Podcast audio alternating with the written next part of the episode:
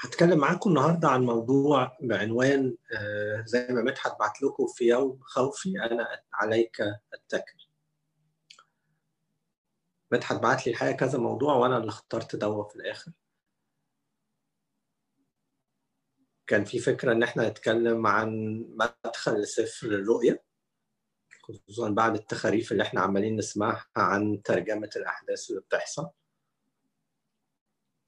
وبعت لي كمان إن إحنا ممكن نتكلم عن الارتباط. وحس إن الارتباط ده تعليمات مستمرة فممكن نتكلم عليه أي وقت تاني. عشان كده اخترت الموضوع ده لأنه مناسب للوقت اللي إحنا موجودين فيه. في ناس كتيرة قوي خايفة وفي ناس كتيرة مش شايفة أي آه يعني حاجة واضحة للي جاي. وبعد كده إيه؟ ما نعرفش وأنا مش عارف ومش جاي أقول لكم كده. وهيفضل قد إيه برضو ما نعرفش مجهول. وهيحصل إيه؟ وهيحصل معايا إيه؟ وهيحصل مع حبايبي إيه؟ ما في حاجات كتيرة قوي مش واضحة. و... وكمان نفسي أكلمكم يعني مش الحل في الحالات دي هي إنه إن أنا يعني أترجم لنفسي الأحداث بطريقة تريحني. ده نوع من الخداع مش حقيقي وبيخلي الواحد في الآخر يتصدم بالحقيقة المرة دايما. مش من الذكاء إنه يبقى الوضع صعب وقاسي ودينايت وأحاول أفهم نفسي إن الوضع ما فيش حاجة الموضوع بسيط قوي أو إنه في مؤامرة كونية بتحصل و... وهتتكشف قريب. أو إنه يا جماعة مش فيش حاجة والموضوع بسيط ومش مستاهل. ده مش حل أكيد مش حل.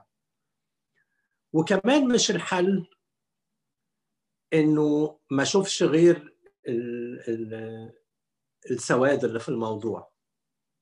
أعتقد ده يحتاج علاج نفسي. لو أنا ما بعرفش أشوف غير الحاجات السوداء فيعني يمكن ساعتها أبقى محتاج مساعدة خارجية. أحسن حاجة الواحد يتعلمها إنه يشوف الحاجات زي ما هي. عايزين كلنا وأنا معاكم نتعلم مع بعض الحاجة دي. الوضع صعب أشوفه صعب. محتاج طرق معينة للتعامل معاه أشوف الطرق المعينه للتعامل معاه. بس اللي أنا جاي أتكلم عليه النهارده أكيد مش ولا حاجة من اللي فاتوا. في ناس أشطر مني قوي ممكن يعملوا الحاجات دي. اللي أنا جاي أتعلم ان أتكلم معاكم النهارده عليه. إزاي أشوف الوضع ده وإلهي موجود فيه؟ والمسيح موجود فيه وممكن يعمل معايا إيه في الأوقات دي هي؟ ولا أنا متروك لوحدي؟ ولا ربنا ده إله عشان الحاجات الروحية بس وطالما بعت لنا رسالة الخلاص هو ملوش دعوة باللي بيحصل. وجود الأحداث الصعبة لا ينفي وجود الإله القادر على كل شيء مع أولاده في الأحداث الصعبة. ودي الحاجة اللي يمكن يعني we're missing بشكل جامد قوي إنه أشوف ربنا معايا في كل اللي بيحصل مانيش لوحدي. بالعكس أنا أمتاز عن آخرين كتير من اللي عايشين على الأرض إن أنا الله معايا. إنه خالق أطراف الأرض كلها سند ليا ومعين ليا. من هنا نقدر نطلع بحاجات كتير. أنا هتكلم عن نقطتين صغيرين النهارده هشارككم بيهم. أول نقطة أنا سميتها كده لا تعطوا إبليس مكانا. زي ما قلت لكم أساس كلامي أنت فين يا رب في وسط كل ده؟ أنت أنت هتعمل معانا إيه؟ المرة اللي فاتت اتكلمنا عن فكرة إنه لماذا تقف يا رب بعيدا؟ ليه شكلك بعيد كده؟ والمرة اللي فاتت اتكلمنا هو عايز يعمل بينا ومعانا إيه في الأوقات دي. النهارده هنتكلم أكتر مش لماذا تقف بعيدا لما هتيجي هتعمل معانا إيه؟ حضورك يعمل معانا إيه في الوقت ده؟ دوري أنا إيه في الوقت ده؟ أول نقطة هتكلم عنها بعنوان كده لا تعطوا إبليس مكانا. في ناس النهارده دخلت في دايرة الخوف الجامد قوي والمشكلة مش الأحداث فقط المشكلة حاجة فيا أنا محتاج أتعامل معاها. دي اللي أنا هتكلم عنها في أول نقطة. النقطة الثانية اللي هتكلم عنها قالها كده الكورش في سفر اشعياء قال له أعطيك ذخائر الظلمة وكنوز المخابئ. أنا ليا إيه عندك في الوقت ده ودي نقطة مهمة أوي أوي أوي. أنا تأكد إني مش جاي أقول لأي حد فينا أنت ربنا معاك ومش هيسيبك وعشمك بحاجات ممكن قوي ما تحصلش. لكن إحنا عايزين نعرف الإنجيل بيقول أنت رب تعمل معانا إيه وتكون معانا إزاي في أوقات الضيق وفي أوقات الأزمات. أنت تعين ضعفنا ومخاوفنا وقلقنا وخوفنا على حبايبنا وخوفنا على نفسينا. أنت بتعمل إيه في الحاجات دي هي كلها؟ وهتعمل إيه معانا؟ ولا مصيرنا زي مصير بقية الشعوب؟ خلينا نتعلم من كلمة ربنا مع بعض.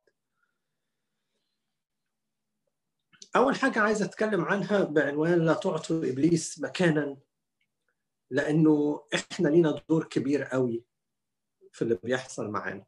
الموضوع مش الأحداث بس. إحنا ربنا إدانا سلطان. وإدانا نعمة الاختيار. أنا اللي بختار هكون إيه في كل وضع العالم حواليا موجود فيه. عايز أفتح معاكم شاهد من سفر أيوب الإصحاح الثالث. عدد 25 و 26 يقول كده في عدد 25 في الإصحاح الثالث من سفر أيوب لأني ارتعبت ارتعابا فأتاني. والذي فزعت منه جاء علي. لم أطمئن ولم أسكن ولم أسترح وقد جاء الرجز يقول كده أيوب لأني ارتعبت ارتعابا فأتاني. والذي فزعت منه جاء علي. يعني أنا كنت مرعوب من حاجة والحاجة دي الحمد لله جت عليا. كنت في حالة فزع من أمور معينة والأمور المعينة دي جت عليا كلها. ارجع معايا كمان لسفر أيوب للإصحاح الأول. هنقرأ من أول عدد ستة لعدد 12 يقول كده وكان ذات يوم أنه جاء بنو الله ليمثلوا أمام الرب. بنو الله اللي هو الملائكة.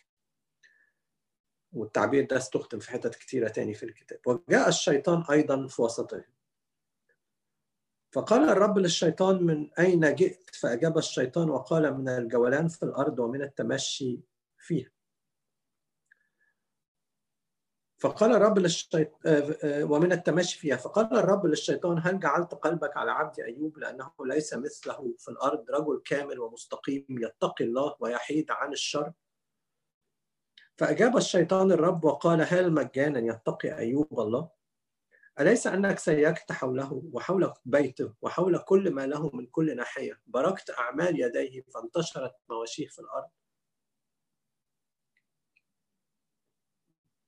ولكن ابسط يدك الآن ومس كل ما له فإنه في وجهك يجدف عليك فقال الرب للشيطان هوذا كل ما له في يدك وإنما إليه لا تمد يدك ثم خرج الشيطان من أمام وجه الرب يقول كده الكتاب إنه كان الشيطان ربنا سأله أنت جاي منين؟ قال له من الجولان فين؟ في الأرض.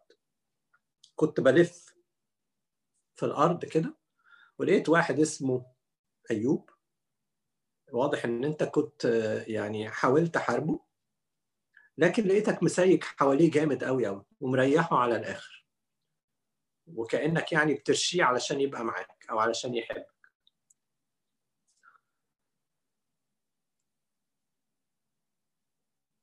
لكن العجيب هنا إن الآية اللي إحنا قريناها في إصحاح ثلاثة من دقيقة واحدة كانت بتقول إيه؟ ارتعبت ارتعابا فأتاني والذي فزعت منه جاء علي. إمتى يا أيوب كنت مرتعب؟ ومفزوع جاء علي وأتاني دي لما ابتدت المصايب تحل عليه. لكن الرعب والفزع كانوا عندك إمتى؟ كانوا في الوقت اللي إبليس بيجول في الأرض ولقاك متسيج حواليك. صح؟ لأنه إبليس طلع السماء وقال لربنا إن أنا نزلت الأرض ولقيت واحد اسمه أيوب مسيج حواليه. بص بيقول لك كده في العدد عشرة أليس أنك سيجت حوله وحول بيته وحول كل ما كان له؟ مش بس كده ومن كل ناحية باركت أعمال يديه فانتشرت مواشيه في الأرض. يعني أيوب كان في حالة هلع وفزع من أمور معينة في الوقت اللي ربنا كان فارض على أيوب حماية كاملة. وإبليس بيجول وبيدور على ثغرة يدخل منها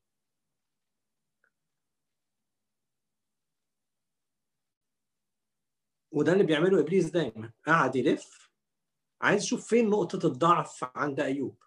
عايز يشوف يشتكي عند لربنا على أيوب بإيه.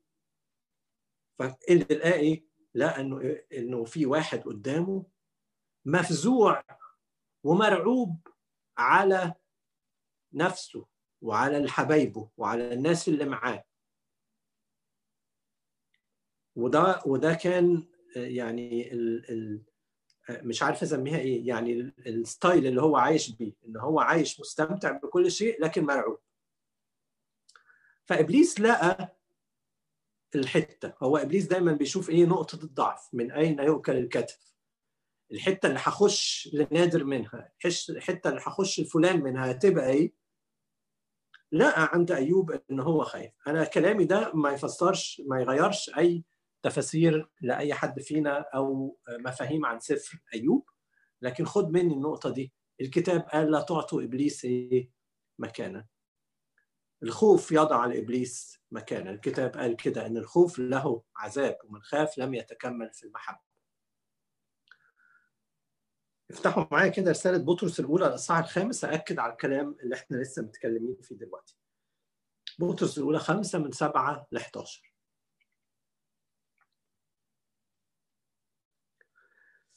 يقول كده ملقين كل همكم عليه لأنه هو يعتني بكم.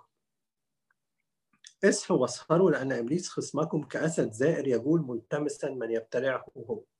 فقوموه راسخين في الإيمان. عالمين أن نفس هذه الآلام تجرى على أخواتكم الذين في العالم. وإله كل نعمة الذي دعانا إلى مجده الأبدي في المسيح يسوع بعدما تألمتم يسيرا. هو يكملكم ويثبتكم ويقويكم ويمكنكم له المجد والسلطان إلى أبد الآبدين. يقول كده بطرس الرسول اصحوا واسهروا لأن إبليس خصمكم كأسد زائر يجول ملتمسا من يبتلعه هو. يجول عمال يدور هيبلع فلان منين. مش من الكورونا لكن ما إنه خايف. ودي الحرب الرئيسية اللي بيعملها إبليس إنه يجول عمال يلف عمال يدرس عمال يرصد علشان يعرف هدخل لنادر منين وهدخل لمدحت منين وهدخل لسالي منين وكل واحد له مدخل. أنا عارف هجيب كل واحد منين. ههاجم كل واحد منين. لو أنا اديت لإبليس مكان هديله الفرصة إنه إيه؟ إنه يدخل. عشان كده بطرس الرسول يقول كده اصحوا وأسهروا. أول حاجة أنا محتاج أعملها إن أنا أسد منافذ إبليس.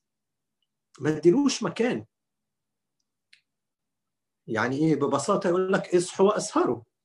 أقف أقف في الثغر ساعات الواحد لما يبقى الوضع بالنسبة له صعب أسهل حاجة عليه إن هو ينام. حتى الناس اللي ما بيجيهاش نوم يعني أنا واحد من الناس اللي لما بيبقى الوضع صعب وابقى متضايق ما أعرفش أنام. لكن أروح على السرير. في ناس يعني بتهرب من الوضع الصعب بالنوم وفي ناس ما بتنامش بس بتروح تنام برضه. أنا من هو قال لهم كده في على في جسيماني قال لهم اصحوا واسهروا. زي ما قال بطرس بالظبط اسهروا وصلوا لئلا تدخلوا في إيه؟ تجربه اوعى النهارده وايه والغريب بقى ان الانسان بيعمله واللي إحنا كلنا بنعمله. ادخل انام واصحى على خوفي تاني يوم واصبح على خوفي تاني يوم. مفيش حاجة اتغيرت. اللي نمت عليه صحيت عليه بالعكس اصحى على خوف اكبر. لأن يصحى اليوم اللي بعده والاقي أخبار أسوأ والاقي حاجات أصعب. وإبليس عمال يعني يثبت ويمسمر كده ويعمل الفريم اللي هيدخل منه كويس قوي. لكن بدل ما انام قال لهم المسيح كده اسهروا وصلوا لئلا تدخلوا في التجربة. آه. بدل ما أهرب بالنوم قوم وقف وامسك إنجيلك وقف وصلي واقفل المدخل على إبليس. دي أول وصية صريحة. قاوموا إبليس فيهرب إيه؟ منكم. يبقى أول حاجة الكتاب بيعلمهاني إن أنا ما استسلمش للخوف إن أنا ما استسلمش إن أنا ما أسيبش ثغرة مفتوحة ومن كتر ما أنا تعبان أو متضايق انساها أو اتناساها التلاميذ جربوا. لما ناموا ليه بطرس اتجرب لأنه نام مع اللي ناموا صح ولا أنا غلطان؟ المسيح يقول لك إيه؟ سهر وصلى. وحزن في الصلاة ابتدى يحزن ويكتئب وصار عرقه كقطرات دم نازلة على الماء. وإحنا النهارده أنا وإنكم كل واحد مننا بيتعلم من السيد ده. علمني يا رب أعمل اللي أنت عملته. فاكرين الأسبوع اللي فات لما بطرس مشي على المية؟ هو إيه اللي عمله بطرس؟ كل اللي عمله قال له أنت بتمشي على المية أمشي أنا كمان على المية زيك. أنت وعدت إنك تديني اللي ليك. تمشي على المية أمشي أنا عليها. وقفت تصلي أصلي أنا. وأنت تديني معونة وتديني نعمة. ويقول كده صار عرق وقطرات دم نازلة على الماء لكن حصل إيه معاه؟ ظهر له مكان ملاك من السماء ليقويه. دي يا جماعة بستأذنكم بس هلعب في الموبايل شوية عشان أطفي ال notification لأن في ناس دخلتني على group بيجي عليه message تقريبا كل يعني 10 ملي ثانية.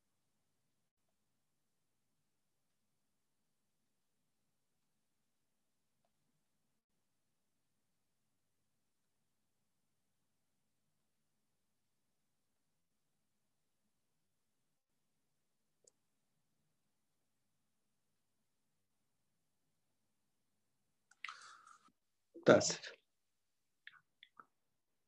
ويقول كده الذي في أيام جسده قدم بصراخ ودموع للقادر أن يخلصه من الموت وسمع له من أجل التقوى. خلينا نتعلم من المسيح كده صلاة البستان أو صلاة المتضايق. ربنا بيدي معونة وبيدي نعمة. مش هتخاف؟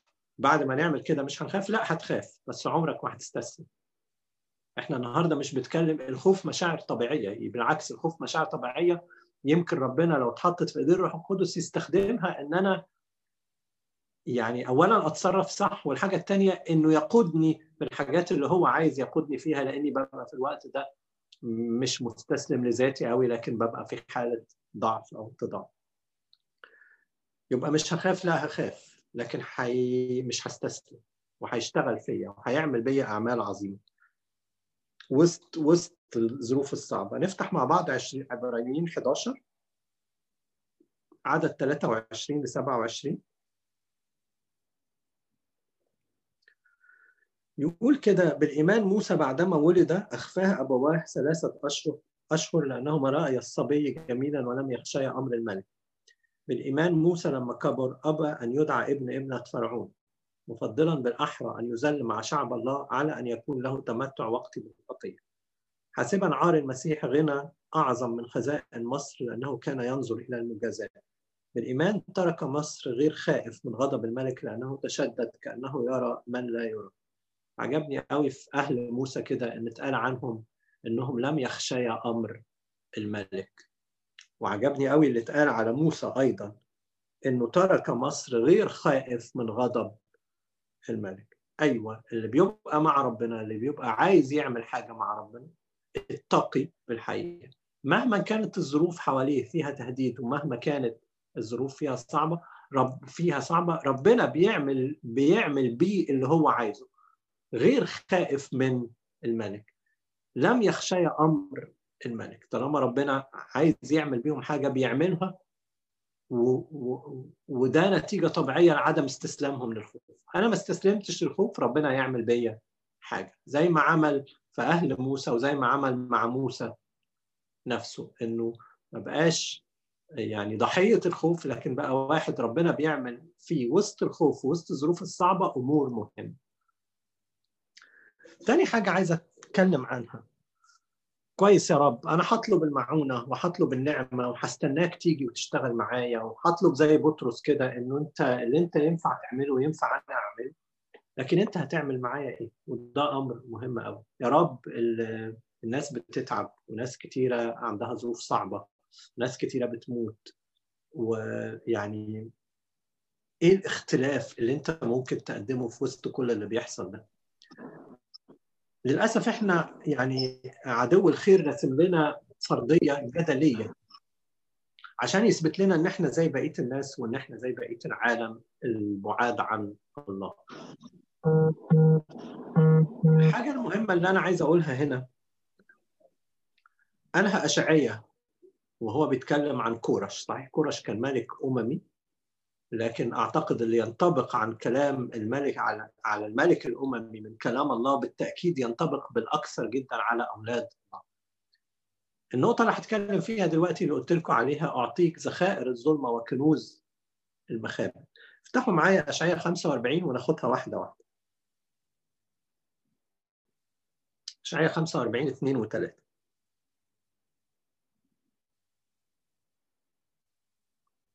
يقول له كده أنا أسير أمامك والهضاب أنا أسير قدامك والهضاب أمهد. أكسر مصراعي النحاس ومغاليق الحديد أقصف وأعطيك ذخائر الظلمة وكنوز المخابئ لكي تعرف أني أنا الرب الذي يدعوك باسمك إله إسرائيل. أول حاجة نفسي أعلمها لكم عايزين نتعلم وأنا أنا بتعلمها من ربنا كمان. عايزين نتعلم إن الظلمة ليها ذخائر والمخابئ فيها كنوز. الوقت الصعب اللي إحنا مسميينه ضلمة له كنوز وأمور عظيمة ربنا عايز يديهاني بس في وقتها. أنا شايل وقت هم وقت أنا مش واخد النعمة بتاعة الوقت ده لسبب بسيط جدا إن هاخدها في الوقت ده. يعني أنت الحسبه اللي موجودة جوه نفوس ناس كتيرة قوي حسبه مش عادلة لربنا ولا لينا حتى إحنا مش فير ناحية نفسينا أنا شايل هم أمور وخايف من حاجات لا تحصل وأنا عندي قدر معين من المعونة معايا دلوقتي. لما تحصل الحاجات دي هي ربنا بيقول إنه ليها معونة من نوع. آه ده إذا حصلت. أنا بفترض معاك يعني إيه السيناريو اللي هو المجرد خالص. أيوه كل وقت له معونة خاصة بيه يقول لكورش كده أعطيك ذخائر الظلمة. وعلى فكرة ده حصل مع كورش إنه لما عمل اللي كان المفروض يتعمل يقول لك إنه وقع على مدينتين مليانين من الثروات اللي هي المعادن الكريمة. ما حد يعني نفسي نفسي الحتة دي قبل ما أخش في في شواهد تانية من الكتاب نبقى مدركينها كويس قوي ما تشيلش هم حاجة أنت ما تعرفش المعونة اللي هتقدم ليك وقتها. يمكن تبقى بتخليني أحسن ما أنا دلوقتي وأحسن ما أنا كنت قبل أي حاجة أصلا قبل البانديميك وقبل أي حاجة. هناك معونة من الله تقدم في وقتها. ما حدش مش عيان بياخد الدواء لكن لما بيعيا بياخد الدواء ربنا بيعمل معانا كده.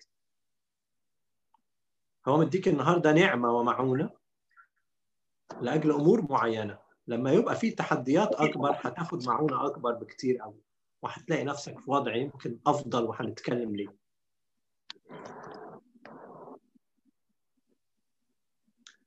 أنا النقطة دي بتاعت ذخائر الظلمة وكنوز المخابئ هتكلم عليها في نقطتين صغيرين وأختم بيهم. أول حاجة عايز أتكلم عنها من رسالة العبرانيين الإصحاح الرابع. أنا مسميها كده عونا في حينه دي سب نقطة. يعني دي تحتك ذخائر الظلمة وكنوز المخابئ. إيه يا رب عونا في حينه اللي بتتكلم عنها؟ افتحوا معايا عبرانيين 4 من 14 ل 16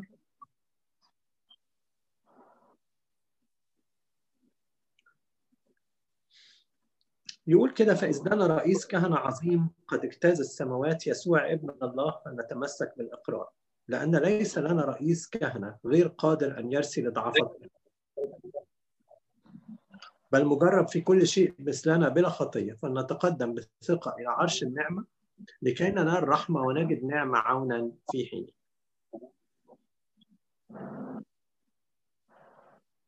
يقول كده فلنتقدم بثقة إلى عرش النعمة لكي ننال رحمة ونجد نعمة عونا في حين أول حاجة يقول لك كده نتقدم ننال إيه؟ رحمة. يا رب بس أنا مانيش مستعد كنت للأزمات دي هي مانيش مستعد للأوقات دي هي. على فكرة ده الطبيعي. ممكن قوي نبقى في حاجات مش مستعدين ليها.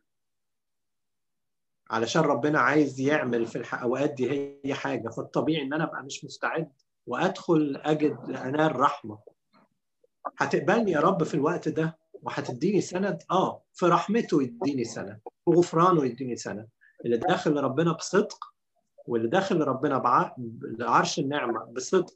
مهما كان حاله النهارده مستعد مش مستعد. أنا كنتش معاك يا رب السنين اللي فاتت دي كلها وراجع لك دلوقتي عشان هي يعني قفلت خالص. ربنا مش بتاع الكلام ده. ده يعني إحنا ممكن نعمله مع بعض. ده من معيالتنا مع بعض. لكن ربنا مش كده. ربنا منتظر لحظات الرجوع. منتظر إنه يشوف الناس اللي راجعة بقلب صادق وبدمعه أمينة. ربنا عايز يشوف الناس دي هي. لأنه قلبه مليان رحمة ودفع الثمن فهو مش منتظر غير إيه؟ الرجوع. ايا كان الشكل اللي أنا راجع له. بيه ركز كده في قصص المسيح لما كان على الأرض مع الناس اللي عمل معاهم أمور عظيمة مع اللي توبهم واحدة يعني مشقوطة في قضية زنا. ما عملتش أي حاجة غير إنها اتقفشت. شوف عمل معاها إيه. هو ده ربنا. أبرص مجنون يجرح نفسه بالحجارة. مد يده ولمسه. هي دي طريقه نجد رحمة.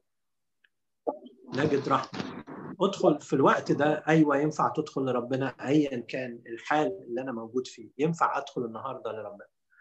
ويقول كمان هنا ونجد نعمة عونا في إيه؟ في حينه. نجد نعمة عونا في حينه. الكلمة دي معناها نجد نعمة تعين في الحال. وفي أي حال. ونعمة متاحة لكل حالة إحنا بنبقى موجودين فيها. نعمة متاحة لينا وإحنا في حالنا النهارده. وهتبقى متاحة لينا بشكل مختلف في حالتنا بكرة سواء أحسن أو الحالة بحسب اللي بيحصل حوالينا أسوأ. وكانت متاحة لينا امبارح بحسب حالتنا برضه. هي نعمة من مواصفاتها كده إنها تعين إنها تعين في الحال. نعمة تعين في الوقت اللي أنا داخل فيه. عونا في حينه وده يأكد الفكرة اللي أنا نفسي إن إحنا نفكر فيها كلنا. إنه ربنا بيدي حاجة اسمها ذخائر الظلمة وكنوز المخابئ. كل وقت ربنا هيديك في حاجة هتكفيك بالكامل. مش هقدر أوعدك بإنه الحال هيبقى شكله معين ولا عندي حاجة في الكتاب تقول لك إن الحال هيبقى شكله كده. لكن في حاجة أعظم من كده إنه في كل حال أنت رب هتبقى موجود. يقول لك كده عنه في رسالة كورنثوس الثانية الذي نجانا من موت مثل هذا وهو ينجي الذي لنا رجاء فيه أنه سينجي أيضا فيما بعد الذي نجانا من موت مثل هذا موت الخطيه وهو الآن ينجي دلوقتي بينجيني وليا رجاء فيه أنه سينجي أيضا فيما بعد. هو ده ربنا اللي إحنا نعرفه. نجانا وينجي وسينجي أيضا. وبالتالي أنا النهارده ينفع أكون مطمن. ينفع أكون مطمن لأن الوضع مع الله ثابت. الوضع في العالم غير ثابت. لكن لكن الوضع في العالم غير ثابت لكن الوضع مع الله دايما ثابت. وده اللي إحنا ينفع النهارده نعيشه ونختبره في حياتنا في وسط أي زمن. زي فاكرين لما اتكلمنا المرة اللي فاتت منتظر حل المشكلة؟ طب ما هتيجي في يوم من الأيام بعدها مشكلة ومن مشكلة إلى مشكلة. خلينا نبدلها النهارده ومن إيمان إلى إيمان ومن نعمة فوق نعمة. صح؟ هو ده اللي إحنا ينفع النهارده نفرح بيه ونفتخر بيه. يا رب هناك عالم متقلب ويقول لك كده في سفر الجامعة لكل شيء تحت السماء الزمان وقت. للمكسب وقت وللخسارة وقت. للمعانقة وقت ولفض المعانقة وقت لكل حاجة للزرع وقت وللحصاد وقت. كل حاجة ليها وقت وعالم عمال يتغير. لكن الحاجة الوحيدة اللي النفس بترسى فيها إنه لنا ثقه بالدخول إلى الأقداس. نجد عونا في حينه. في كل حالة متغيرة عندنا إله غير متغير. ويقدر يخلينا زي ما قال المزمور كده ثابت قلبي يا الله ثابت إيه؟ قلبي. أنا مربوط بما هو ما وراء الأقداس. أنا عندي ثبات ورسوم في نفسي في نفسي وفي نفسيتي وفي حالتي وفي حياتي لأني مرتبط بإله ثابت يقدر يديني نعمة تكفي الوضع. وبالتالي أنا أتعلم النهارده النعمة مش حصة ثابتة لكن النعمة حصة متغيرة كل واحد بياخدها بحسب احتياجه. مش حاجة تطمن؟ طبعا بتطمن. طبعا أطمن لأنه ربنا في كل وقت في كل حاجة مجهز لي اللي يكفيني. يبقى أول حاجة نفسي إن إحنا نتكلم عنها ذخائر الظلمة وكنوز المخابئ اسمها عونا في حينه طب وعلى أرض الواقع أنت رب ما ينفعش تعمل أي حاجة. بيعمل بس أنا ما عنديش القاعدة بتاعتها ولا عندي المعادلة بتاعتها. بيتمجد بيتمجد مع أولاده بالذات القريبين منه بالذات اللي صاحيين وسهرانين بيوريهم أعماله. ولينا اختبارات عظيمة في وسط اللي بيحصل ده كل واحد دي اختبارات خاصة بيه في وسط كل اللي بيحصل ده. لو انت قريب من عرش النعمة ربنا يديك ويدي كل واحد مننا إنه يشوف أمور عظيمة ويتنقل ايمانه لحته تاني من اللي هو شافه مع ربنا في احلك الأوقات وفي الصعب. عجبني قوي يعقوب لما قابل يوسف وولاده وجه يوسف دخل عليه بالولدين أفرايم ومنسى. اسمع قال إيه ساعتها؟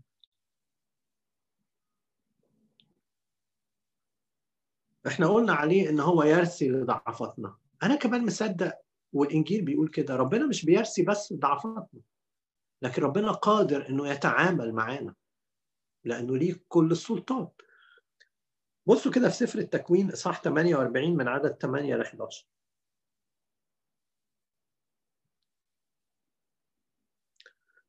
يقول كده وراء إسرائيل ابني يوسف فقال من هذان؟ فقال يوسف لأبيه هما ابناي اللذان أعطاني الله ها هنا. فقال قدمهما إلي لأباركهم. وأما عين إسرائيل فكانت ثقلتا من الشيخوخة. لا يقدر أن يبصر فقربهما إليه فقبلهما وأحتضنهما. وقال إسرائيل ليوسف لم أكن أظن أني أرى وجهك وهوذا الله قد أراني نسلك أيضا. فكر معايا كده في آية في العهد الجديد بتقول المعنى ده حرفيا. لم أكن أظن أني أرى وجهك وهوذا الله قد أراني نسلك أيضا. أنت رب بتعمل معايا إيه؟ أنت رب ليك يد في اللي أنت ليك تداخل في اللي بيحصل. خليك فاكر اللي قاله يعقوب ده. لم أكن أظن أني أرى وجهك. ما كنتش فاكر أن أنا في يوم من الأيام هشوفك تاني يا يوسف. لكن ربنا خلاني أشوفك وأشوف كمان إيه؟ ولادك. القادر أن يفعل أكثر جدا مما نطلب أو نفتخر. نعمة عونا في إيه؟ في حينه. اصبر للرب وانتظر له. في وقته يسرع به عنده أزمنة وأوقات. هيعمل معايا في كل وقت حاجات أمور مختلفة. تكفي تماما. بس خليك قريب منه. خليك كده زي إلهك. ادخل كده إلى البستان وصلي واطلبه واطلب منه المعونة والنعمة السماوية اصحوا وأسهروا. ما تديش فرصة إن إبليس يشتكي عليك ويستخدم النقطة اللي أنت ضعيف فيها. في فرق إن أنا أخاف وإن أنا أستسلم الخوف وأعيش فيه. أيوة ينفع النهاردة بالمسيح ما حدش يستسلم. آخر حاجة تحت ذخائر الظلمة والكنوز المخابئ. أختم معاكم بحتة صغيرة قوي أنا سميتها كده ابعد إلى العمق. نفتح مع بعض لوقا خمسة من واحد ل 11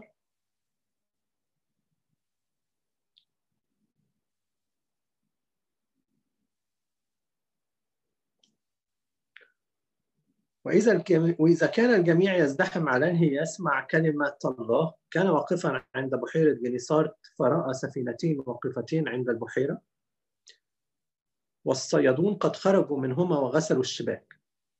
فدخل إحدى السفينتين التي كانت لسمعان وسأله أن يبعد قليلا عن البر.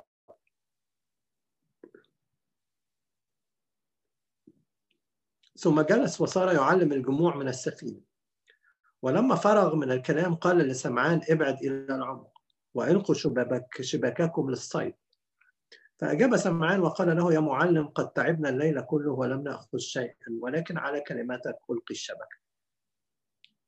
ولما فعلوا ذلك أمسكوا سمكا كثيرا جدا فصارت شبكتهم تتخرق. فأشاروا إلى شركائهم الذين في السفينة الأخرى أن يأتوا ويساعدوهم. فأتوا وملأوا السفينتين حتى أخذتها في الغرق. فلما رأى سمعان بطرس ذلك خر عند ركبتي يسوع قائلا اخرج من سفينتي يا رب لأني رجل خاطئ.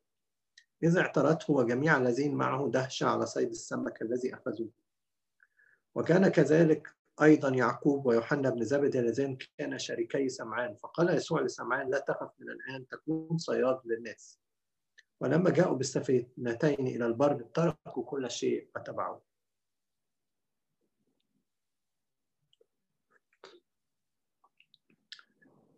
يقول كده إنه قضوا الليل كله. شاف سفينتين واقفتين عند البحيرة. والصيادين خرجوا منهم وغسلوا الشباك. خلاص حاولوا الليل كله ما نفعش ويأسوا وخلاص خرجوا وغسلوا الشباك. دي تاني حاجة في ذخائر الظلمة وكنوز المخابئ. هل ينفع يا رب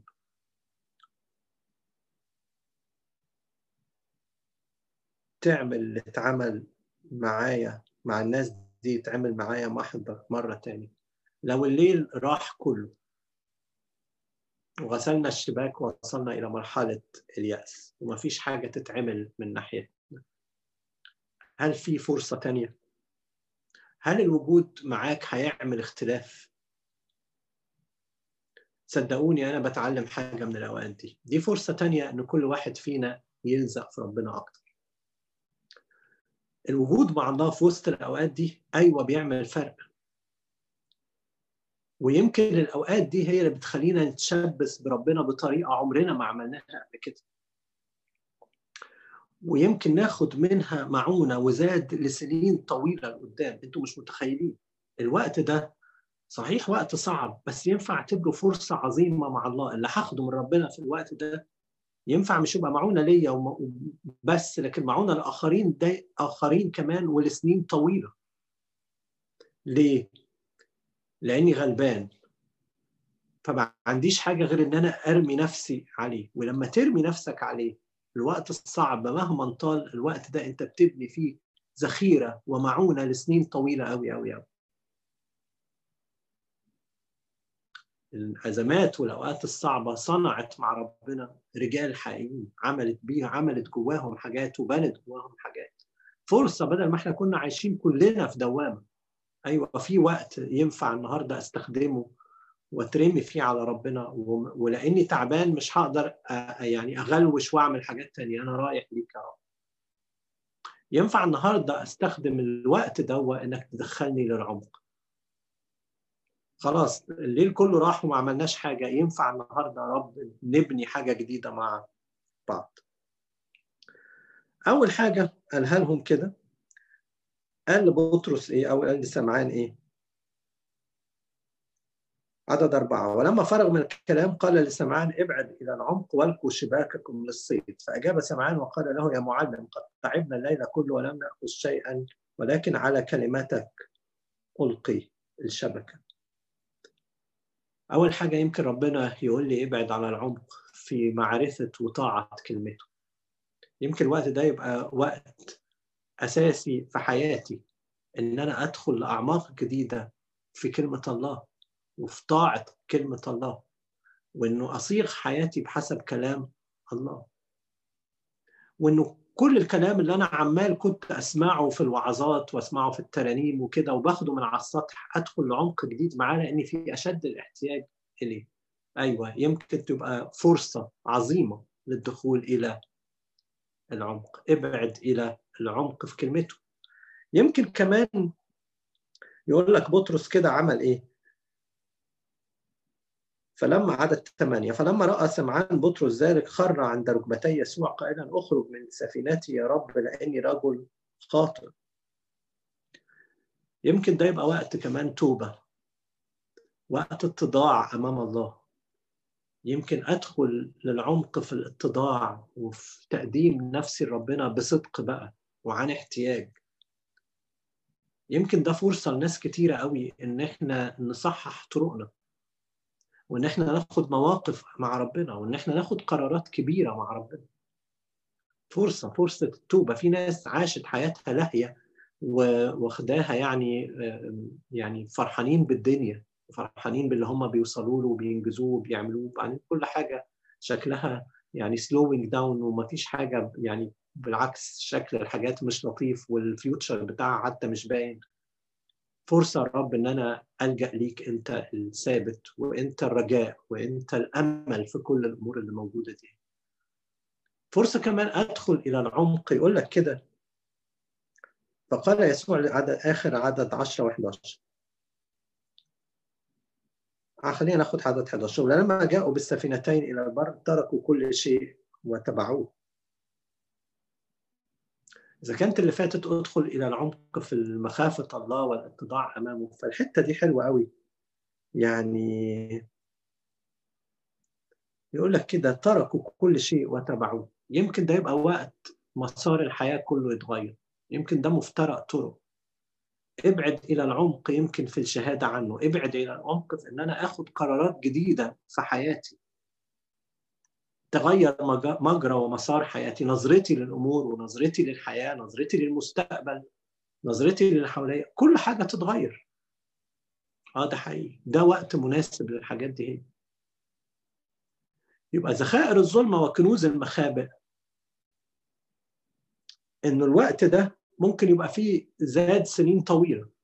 الوقت ده ممكن يبقى فيه أمور عجيبة بتحصل. من الله لم أكن أتخيل إني أرى وجهك فأراني الله إيه. نسلك. أيضا. الوقت ده وقت تتمتع فيه بنعمة مناسبة للي بيحصل نعمة تعين في الحال. دي ذخائر ظلمة وكنوز. مخابئ مش بس كده. الوقت ده ممكن وقت إنه يبقى فيه بعد آخر في حياتي بيتولد ما كانش موجود قبل كده. ابعد إلى العمق. يبقى أنا ينفع النهارده يا رب تخليني مش واحد خائف ومستسلم لمخاوفه من الأحداث لكن أنا اتعلمت يا رب منك. أنا بتعلم وكل واحد فينا محتاج يتعلم. لا تعطي إبليس مكانة مكانة. ما تبقاش عبيط. ما تبقاش عبيط وتسيب إبليس يجتاح حياتك وربنا ينفع إنه يديك نعمة إن أنت تطرده. قاومه إبليس فيهرب منك اصحى واسهر وادخل إلى الأقداس. وهتلاقي وقتها نعمة تعين في الحال. وهتلاقي وقتها ذخائر الظلمة وكنوز المخابئ. وهتشوف بعينيك على الأرض ربنا وهو بيشتغل معاك وأكثر جدا مما تطلب أو تفتكر ونهاية هينقل حياتك إلى عمق جديد مع إلهنا كل مجد وكرامه من الان والى